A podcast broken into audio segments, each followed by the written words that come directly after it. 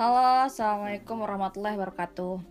Oke, hari ini aku akan menceritakan atau aku akan membahas perihal uh, sharing proyek atau project dunia akhirat. Tuh, uh, buat teman-teman yang mendengarkan, uh, di sini saya tidak uh, ingin menggurui atau tidak ingin apa namanya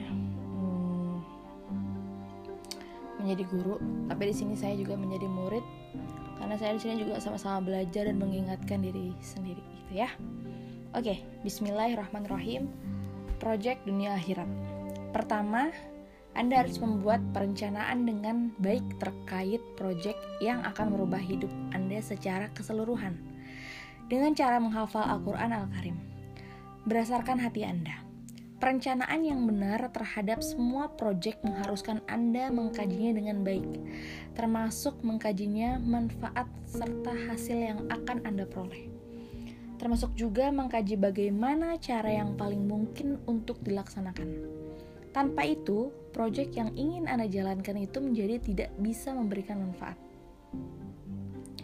Boleh jadi ini salah satu sebab penting kegagalan sebagian orang yang berusaha menghafalkan Al-Quran. Iya, kegagalan yang tadi dimaksud adalah tanpa project itu, ya. Jadi setiap orang itu harus punya project sendiri. Kenapa sih saya harus menghafal Al-Quran seperti itu? Kemudian sedikit demi sedikit mereka menjauh dari Al-Quran hingga melepaskan diri dari Al-Quran sampai memunculkan penghalang antara mereka dengan Al-Quran gitu.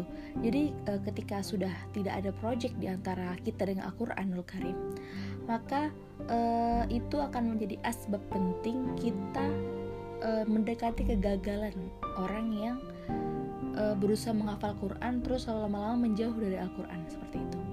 Karenanya setelah panjang memikirkan sebab dan musabab, apa saja yang sebenarnya bisa menjadikan upaya menghafal Al-Quran itu sulit, menurut kebanyakan orang uh, dan saya juga mendapatkan inilah alasannya uh, mereka kurang memiliki tujuan yang jelas dalam upaya menghafal Al-Quran.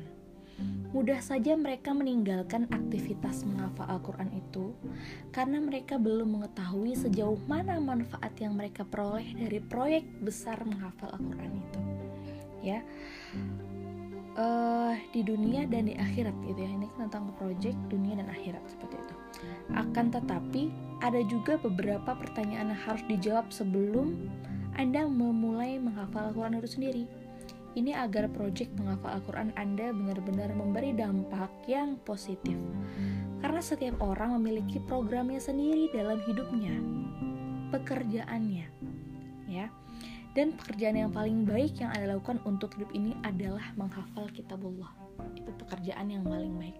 Makanya dikatakan sebelum menjadi dokter sebelum menjadi wirausaha wira uh, wirausaha atau uh, sebelum menjadi apa pun yang kita inginkan alangkah baiknya kita menjadi penghafal Quran. Mengapa menghafal Quran?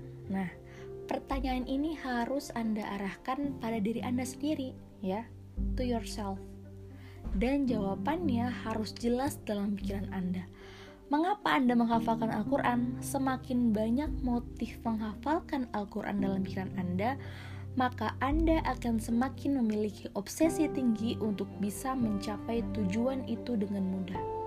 Begitu pula sebaliknya. Lalu, apa manfaat yang bisa Anda petik dari menghafal Al-Quranul Karim?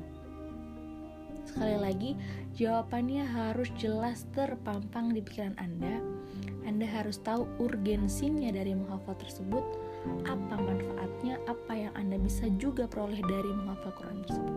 Seperti itu. Oke. Nanti part 2-nya saya akan uh, menjabarkan di antara manfaat penghafal Al-Qur'an itu sendiri.